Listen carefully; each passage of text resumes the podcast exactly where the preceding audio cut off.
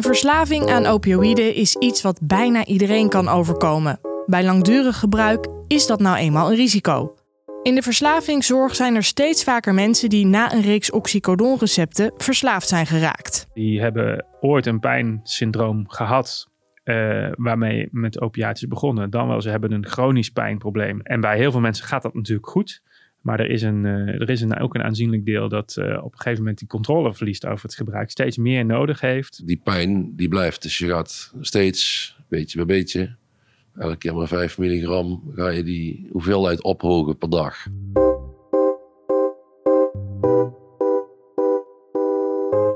Dit is De Pijngrens, een podcast van de Nederlandse Vereniging voor Anesthesiologie. Ik ben Malou en in deze serie duik ik in de wereld van de opioïden. Samen met experts, artsen en patiënten kijk ik naar de rol van opioïden in de Nederlandse geneeskunde.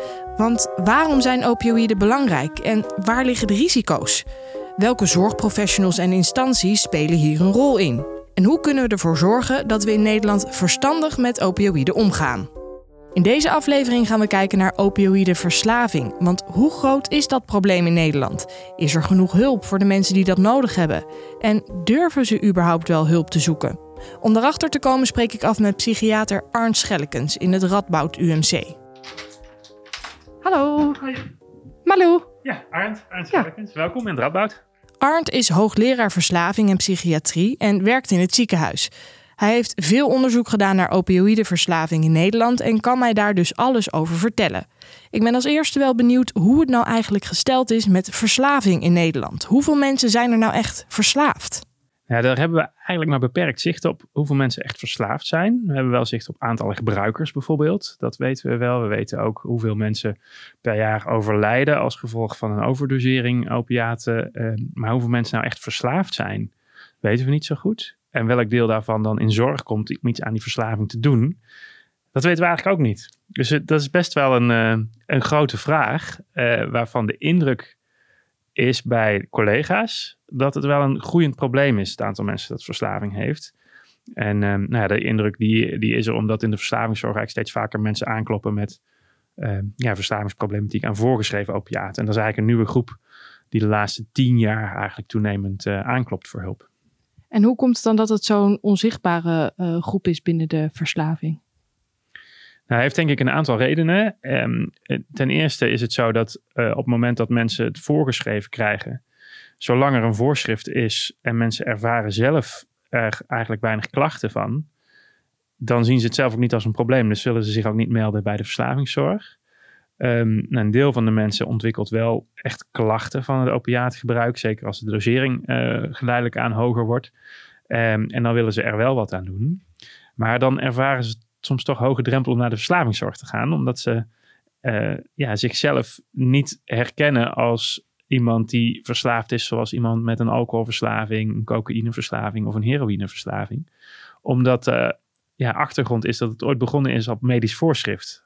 En ik snap wel dat dat anders voelt. Arndt ziet dan ook dat er nog best wel een taboe ligt op opioïdeverslaving. Er zijn ook mensen met uh, veel schuld- of schaamtegevoelens. Uh, en die daardoor moeite hebben om ervoor uit te komen dat ze eigenlijk een probleem ervaren met opiaatgebruik. en die daardoor ook echt een drempel ervaren om hulp te vragen. En dan zijn natuurlijk ook aan de hulpverlenerskant nog wel wat drempels. Want op het moment dat, uh, dat dokters of andere hulpverleners toch wat veroordelende houding hebben naar mensen die uh, uh, opiaten gebruiken. Of die eigenlijk een te hoge dosering opiaten gebruiken in vergelijking met wat je volgens de richtlijn zou moeten voorschrijven. Ja, dan helpt dat natuurlijk niet aan mensen om daar um, open over te, over te zijn. En daar ook hulp bij, bij te vragen. Dus daar moet wel iets in veranderen als ik het zo hoor. Ja, ik denk een, een niet veroordelende houding, dat is eigenlijk stap 1. Mensen moeten wel het gevoel krijgen dat ze zonder veroordeeld te worden hun verhaal kunnen vertellen. Pas dan komt die onzichtbare groep verslaafden meer in beeld. Gelukkig is er al wel een groep mensen die hulp durft te zoeken. Daarom is er al wel een beeld van wat voor mensen dat zijn. Nou, wat wij zien is eigenlijk uh, doorsneebevolking, alle mensen zoals uh, ja, jij en ik. Um, variërend van laag tot hoog opleidingsniveau, uh, uh, lager tot hogere sociaal-economische status, leeft, alle leeftijden, mannen, vrouwen. Het is dus een diverse groep, want het kan eigenlijk iedereen overkomen. Vaak begint het met een pijnprobleem waarvoor opioïden worden voorgeschreven en dan langzaamaan raak je afhankelijk. Zo ging dat ook bij Nick. Nick woont in Brabant en is eigenaar van een van de grootste discotheken van Nederland. Hij had nog nooit problemen gehad met verslaving, maar moest door een hernia beginnen met oxycodon. Hij wil me wel wat meer vertellen over zijn verslaving en nodigt me daarom uit bij zijn discotheek in Gemert. Als ik de auto uitstap, sta ik op een grote verlaten parkeerplaats met in het midden een groot gebouw. En oh ja, ik ben er toevallig net na de eerste sneeuwbui van het jaar. Waar zijn we nu weer beland? Een of andere grote ijsvlakte met in het midden een, een grijze loods. Schijnt horeca in te zitten. Maar het lijkt nu een uh, Noordpoolse onderzoekscentrum. Ik krijg heel erg een après-ski gevoel van. dat we een biertje moeten gaan drinken. Oh, hallo. Hoi. Allemaal feestartikelen hier. Binnen zie je juist aan alles dat we in een discotheek staan. Nick geeft me een rondleiding door de verlaten feestzalen en daarna gaan we aan de eettafel zitten. Op tafel heeft hij een paar overgebleven strips oxycodon klaargelegd. 10 milligrammetjes, 5 milligram. En nu uh, ligt het hier en doet het je dan nog iets als je het zo uh, bij de hand hebt? Of is het helemaal, uh, nee, ben je er helemaal los van? Vanaf inmiddels, gelukkig, ja. ja. En is dit je hele voorraad nog wat je nog hebt of heb je nog meer? Nee, ik, heb nog een hele, ik heb nog een hele tas. Ik kan zo een apotheek beginnen, denk ik. ja. Wanneer begonnen je rugklachten? In 2016, voor de carnaval. Uh, carnaval is bij ons een drukke periode, dus uh, veel uh, showwerk. En, uh, dus ik dacht in eerste instantie, ik heb gewoon te veel gedaan. En toen gingen we op een skivakantie en dan werden de klachten zo ernstig dat ik op een gegeven moment niet meer kon lopen. Terug in Nederland meteen naar de dokter gegaan en dan werd in eerste instantie spit geconstateerd. Ehm, zou binnen vier à vijf weken minder moeten worden. Nou, dat werd het dus niet. En op een gegeven moment doorverwezen naar een naar een ziekenhuis en dan werd geconstateerd dat ik dus een hernia had. Op een gegeven moment werd de pijn zo hevig dat ik uh, tramadol en oxycodon voorgeschreven kreeg. Arndt ziet dat opioïdeverslaving vaak begint met een voorschrift van de dokter. Ja, dat is wel de groep die wij eigenlijk vooral zien. Dus die hebben ooit een pijnsyndroom gehad uh, waarmee met opiaten is begonnen. Dan wel, ze hebben een chronisch pijnprobleem, waardoor ze langdurig opiaten voorgeschreven krijgen. Um, en bij heel veel mensen gaat dat natuurlijk goed. Maar er is, een, uh, er is een, ook een aanzienlijk deel dat uh, op een gegeven moment die controle verliest over het gebruik. Steeds meer nodig heeft voor hetzelfde effect. Hè, dat noem je die tolerantie die, uh, die zich ontwikkelt bij herhaald gebruik. Um, en er is ook nog zoiets als, een beetje complexe term, maar hyperalgesie als gevolg van opiaatgebruik. Dat betekent dat de pijndrempel lager wordt door het langdurig opiaatgebruik. En ja, dat is een hele paradoxale resultaat, want dat betekent dat je eigenlijk meer pijn krijgt bij langdurig opiaatgebruik. Uh, ja, en als dat optreedt en je bent tolerant voor de effecten van opiaten, dan kan je je voorstellen dat, ja, dat je echt vastloopt, omdat je ja, niet kan minderen voor je gevoel, want dan wordt de pijn erger en krijg je ontwenning. Meer, dat levert ook niet direct heel veel op. Um, dus dan zitten mensen echt klem in, uh, in hun opiaatgebruik en is het risico dat ze de controle daarover verliezen natuurlijk ook groot.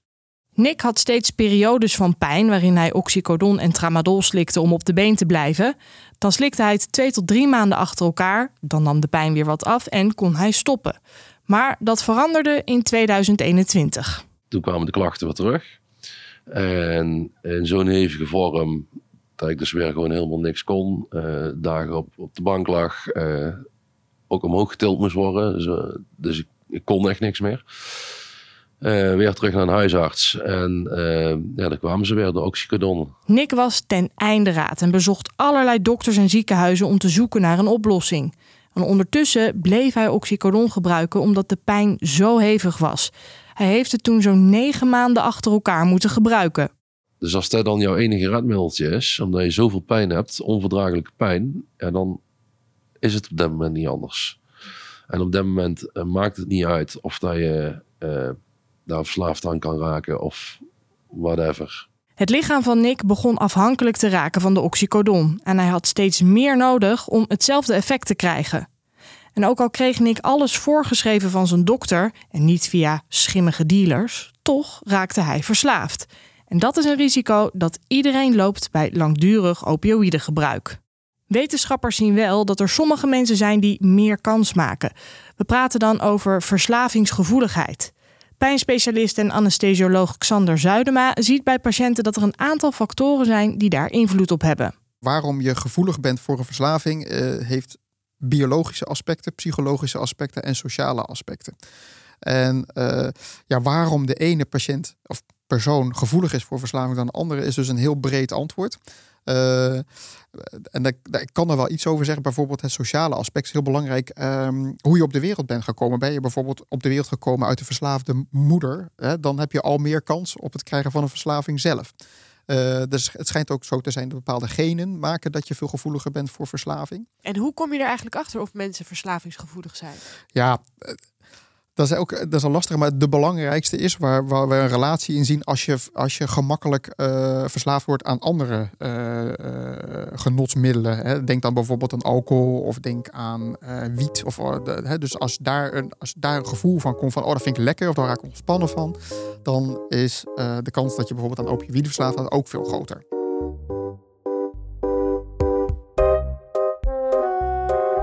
Maar hoe verloopt die weg naar verslaving? Hoe word je afhankelijk van een opioïd?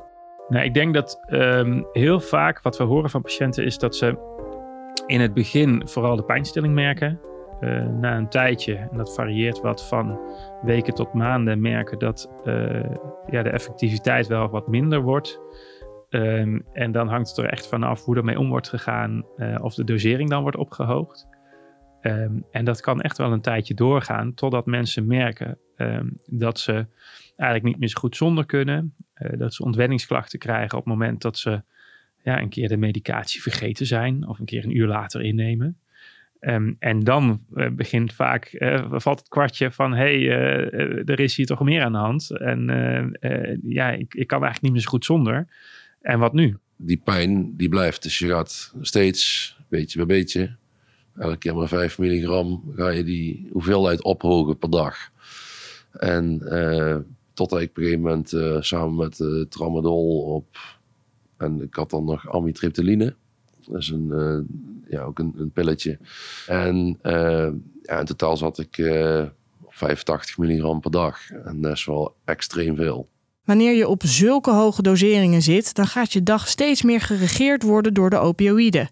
Als je één keer te laat slikt, kan je namelijk al ontwenningsverschijnselen krijgen. Wat ik bij veel patiënten zie, is dat ze um, ja, natuurlijk heel gebrand zijn op het uh, op tijd innemen van hun medicijnen. Daar richten ze ook echt hun dag uh, op in zodat ze niet te laat zijn, zodat uh, als er ontwenningsklachten komen, ze altijd iets van opiaten achter de hand hebben. Ik had uh, een bepaalde hoeveelheid en ik ging op een gegeven moment uh, ging sparen. Dus ik ging overdag ging ik sparen om s'avonds meer te kunnen pakken om s'nachts te kunnen slapen. Ja, dat, dat werd op een gegeven moment uh, zo hevig of heftig dat, uh, ja, daar keek je dan naar uit en uh, alles is dan prachtig. En ik heb zelf nooit geen harddrugs of zo gebruikt, dus ik, ik weet niet of ik die vergelijking kan maken. Maar um, ja, het, het, is wel, volgens mij is het gewoon drugs. We zien ook wel veel effecten op, op nou ja, hoe mensen voelen, denken, handelen. Dus echt hun, uh, nou ja, hoe, ze, hoe ze door het leven gaan. Um, mensen ervaren soms een korter lontje, minder initiatief, wat vervlakking, kunnen minder goed genieten van, uh, van allerlei dingen in het leven waar ze eerder uh, blij van werden. Stemmingswisseling en de ene dag was goed en de andere dag was slecht. Alleen dan even net een stukje heftiger. Ik was heel veel moe. Waar, waar ik op een gegeven moment tegenaan liep, is dat ik heel erg vergeetachtig werd. En, en dingen op een gegeven moment ook gewoon niet meer kon volgen. Dus je moest heel veel dingen notuleren, agenda's bijhouden. Om uh, ja, mijn dagelijkse dingen nog gewoon te kunnen doen. Een verslaving ontregelt je leven dus volledig. Daarom wil je er graag vanaf. Maar stoppen met opioïden is nog best moeilijk. Dat is lastig, omdat het uh, gepaard gaat met uh, lichamelijke verschijnselen. Dus we noemen het ook, als je een opiaat, als je die neemt en je neemt het voor een bepaalde tijd en je zou het in één keer stoppen, dan, dan noemen ze dat cold turkey. En daar zitten ja, bepaalde vervelende eigenschappen aan. denk dan bijvoorbeeld aan zweten, aan koorts, aan rillingen, je vervelend voelen, misselijk worden. dus dat is echt een soort ziekte op zich. En eigenlijk is het ook gevaarlijk om het zomaar in één keer te stoppen. Met name mensen die bijvoorbeeld cardiaal belast zijn, die kunnen dan in één keer een hartaanval krijgen of iets dergelijks. Dus dat, dat wil je niet. Je, dus als je uh, het af wil bouwen of je wilt ermee stoppen, doe dat dan altijd geleidelijk. Is ons, uh, is ons advies. Kan je dat wel alleen doen of heb je daar altijd hulp bij nodig? Dat ligt eraan. Sommige mensen kunnen dat heel goed uh, alleen. Met name als ze bijvoorbeeld in een sociale omgeving zijn die ze daarbij ook ondersteunt. Als dat ontbreekt, dan is het vaak toch wel heel lastig om dat zelf te doen. Ehm, en dan is uh, hulp vaak wel, uh, wel nodig. Mensen kunnen hun huisarts, apotheker of een verslavingsarts om hulp vragen. Die kunnen dan helpen met afbouwen, vertelt Arndt. Hoe bouw je het dan af op een veilige, effectieve manier? En uh, ja, daar hebben we een handreiking voor geschreven om nou ja, zowel het tempo van afbouwen, wat, wat, wat, wat adviezen um, voor te geven en ook wat voorbeeld afbouwschema's van verschillende medicamenten, in welke stappen die medicamenten ook beschikbaar zijn uh, en hoe je dat dan vervolgens in de praktijk zou kunnen doen. Met behulp van een afbouwschema kunnen mensen zelf gaan afbouwen. En zelfs dan kunnen er nog steeds ontwenningsverschijnselen ontstaan. Denk aan misselijk zijn, zweten of een onrustig gevoel hebben. Het is daarom ook heel belangrijk om rustig af te bouwen. Nick merkte zelf dat het schema wat hij van zijn arts kreeg veel te snel voor hem ging en dus besloot hij het nog rustiger aan te doen, zodat hij nog goed kon functioneren.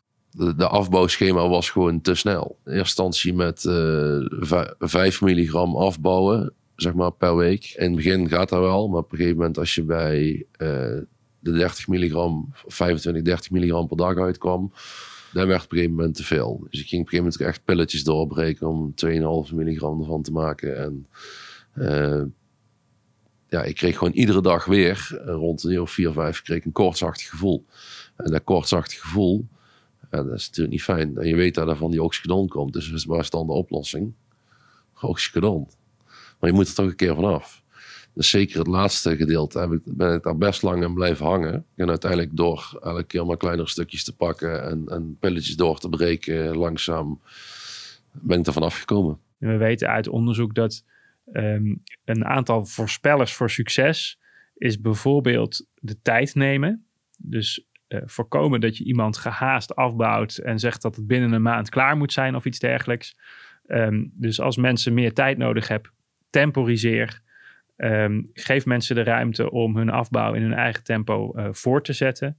En het andere uh, belangrijke voorspeller waar je als hulpverlener grip op hebt, is uh, het aantal ondersteunende consulten.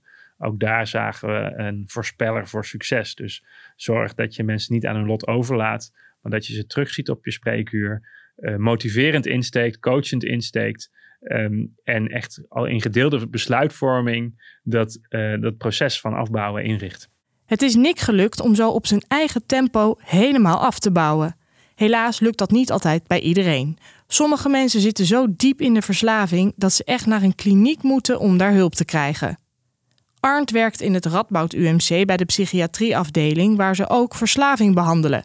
Hij leidt mij rond over de opnameafdeling. Moeten we eerst de schuifdeuren door. We hebben hier een uh, psychiatrieafdeling die is helemaal uh, verbouwd en gemoderniseerd. Dit voelt voor mij eerlijk gezegd niet als een ziekenhuis als ik dit zo zie. De muren zijn toch wat zachter, baksteen, ronder, lichte kleuren. Ja, dit, we hebben deze afdeling echt ingericht vanuit de principes van healing environment. En dat uh, betekent dus dat we ervan uitgaan dat de omgeving waar je verblijft ook van invloed is op je herstel. En wat voor ons patiënten met opiaatproblematiek natuurlijk belangrijk is, is uh, nou ja, een veilige medicatievoorziening.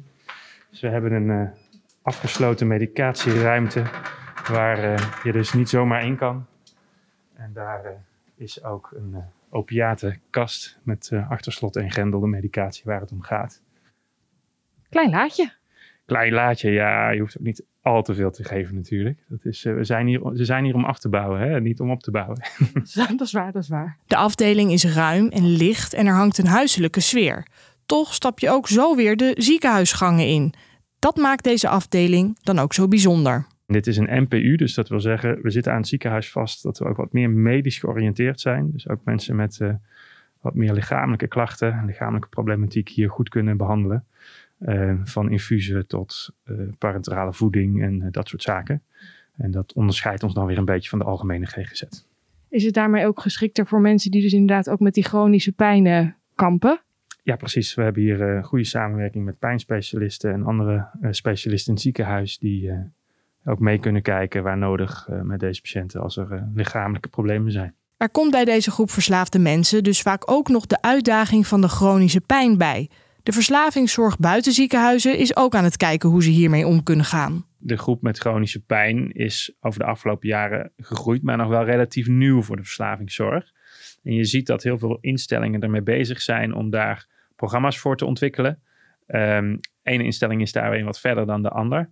Um, en dat kan dus ook per regio verschillen wat daar, wat daar dan precies beschikbaar is. Maar dat is wel iets wat in opkomst is. Het is dus nog erg in ontwikkeling. Is er dan wel genoeg specialistische hulp voor mensen met een opioïdeverslaving? Nou, ik denk dat daar wel een verbeterpunt ligt. Uh, ja, zoals uh, huisartsen en vele andere uh, collega's wel weten, zijn er uh, vaak lange wachtlijsten tussen de verschillende echelons in de, in de zorg. en zeker ook binnen de GGZ is dat een probleem. Waardoor je lang niet altijd iemand direct binnenkrijgt op de juiste plek eh, waar eh, iemand hulp nodig heeft. Ehm, en juist zo'n complex probleem als chronische pijn met verslavingen en eventueel nog bijkomende psychische klachten. Ja, dat vraagt echt om een geïntegreerde visie op die problematiek en de behandeling daarvan.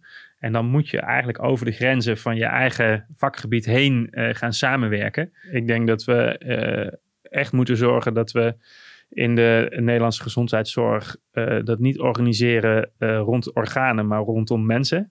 Uh, en dat betekent als je dus als medisch specialist een patiënt behandelt vanwege een bepaalde aandoening in een bepaald orgaan, dat je ook oog moet hebben voor de mensen die daaromheen zit. Um, en inclusief dus mentale gezondheid. Preventie is natuurlijk ook ontzettend belangrijk als we het hebben over verslavingen. Uiteindelijk wil je zorgen dat zo min mogelijk mensen überhaupt gebruik hoeven te maken van de verslavingszorg. Nick denkt zelf dat er nog veel meer kan worden gedaan in de preventie van verslavingen. Zelf werd er door de arts vaak weer naar huis gestuurd met gewoon wat nieuwe strips oxycodon, in plaats van dat hij werd doorgestuurd om het probleem echt te verhelpen. Het duurt gewoon heel lang voordat jij als hernia-patiënt doorgestuurd wordt en de juiste zorg krijgt. Ik heb een weg afgelegd van jaren voordat er eens een keer een operatie kwam die gewoon al veel heel nodig was. Dus heel veel oxycodon is gewoon onnodig geweest. En inmiddels zit je dan acht, negen maanden constant aan de oxycodon met uh, ja, flinke hoeveelheid. En dan krijg je een soort verslaving. En tegen die tijd dat ik erachter kwam dat een verslaving werd, uh, was dat te laat, zeg maar. Ik denk dat artsen dat blijven doen, omdat uh, opioïden eigenlijk gewoon gemakkelijk... Het, het is een goede pijnstiller. Uh, en het is gemakkelijk voor te schrijven. Uh, dus ik denk dat dat. Uh, dus het be behandelt de klacht gewoon gemakkelijk op een goede manier. En dat is denk ik de reden waarom mensen dat blijven doen. Het tweede is, ik denk ook dat artsen gewoon ook in de spreekkamer niet zoveel tijd hebben. Gezamenlijk beslissen kost ook tijd. Hè? Dat is helemaal hot in de geneeskunde om gezamenlijk te beslissen met een patiënt. Ik denk dat het ook heel goed is. Alleen, ja, dat gaat niet in vijf minuten. Dus uh, ook die tijd, die moet je daar ook voor nemen. En die is er niet altijd. Zeker niet met uh, toename van de zorgendruk. En steeds minder mensen die dat uh, werk kunnen doen. Dus ja, dat zijn wel ehm, dingen die meespelen. We weten allemaal dat we het graag willen en dat het ook moet. Alleen, ja, het ontbreekt ook vaak gewoon aan de mogelijkheid. Er moet eigenlijk meer tijd en aandacht komen voor elke individuele patiënt. Zo kan voorkomen worden dat mensen wegzakken in een verslaving. Maar mocht het nou wel gebeuren, dan is het belangrijk dat die mensen geholpen kunnen worden. Maar om iemand te kunnen helpen, zal die persoon toch echt eerst zelf aan de bel moeten trekken. Arndt benadrukt dan ook hoe belangrijk het is om opioïdeverslaving uit die taboesfeer te halen. Ja, daar kunnen we als maatschappij uh, denk ik zeker wat aan doen door open te zijn hierover, door het gesprek aan te gaan over deze thematiek, uitleg te geven uh, over hoe dat werkt, uh, het, het uh, verslaafd raken aan, uh, aan opioïde pijnstillers. Um, en daar ook over te vertellen dat daar een oplossing voor is. En tegelijkertijd hebben we daarbij denk ik ook rolmodellen nodig die uh, nou, een, BN'er of, of, of uh, iemand met aanzien die uh, vertelt over een persoonlijke ervaring zonder daar al te zeer schaamte of schuld in te voelen, maar open vertelt over dat dit gespeeld heeft of speelt en hoe iemand daar dan ook weer liefst succesvol daar uitgekomen is. En dat kan heel erg helpen voor mensen om te denken, nou als die persoon dat kan, dan kan ik dat misschien ook wel.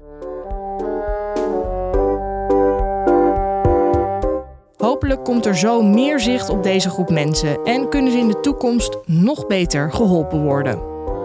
In de volgende en laatste aflevering kijken we naar de toekomst van opioïden in Nederland. Want is de politiek al genoeg bezig met deze problematiek en zijn er alternatieven voor opioïden op komst? Je hoort het allemaal in aflevering 6.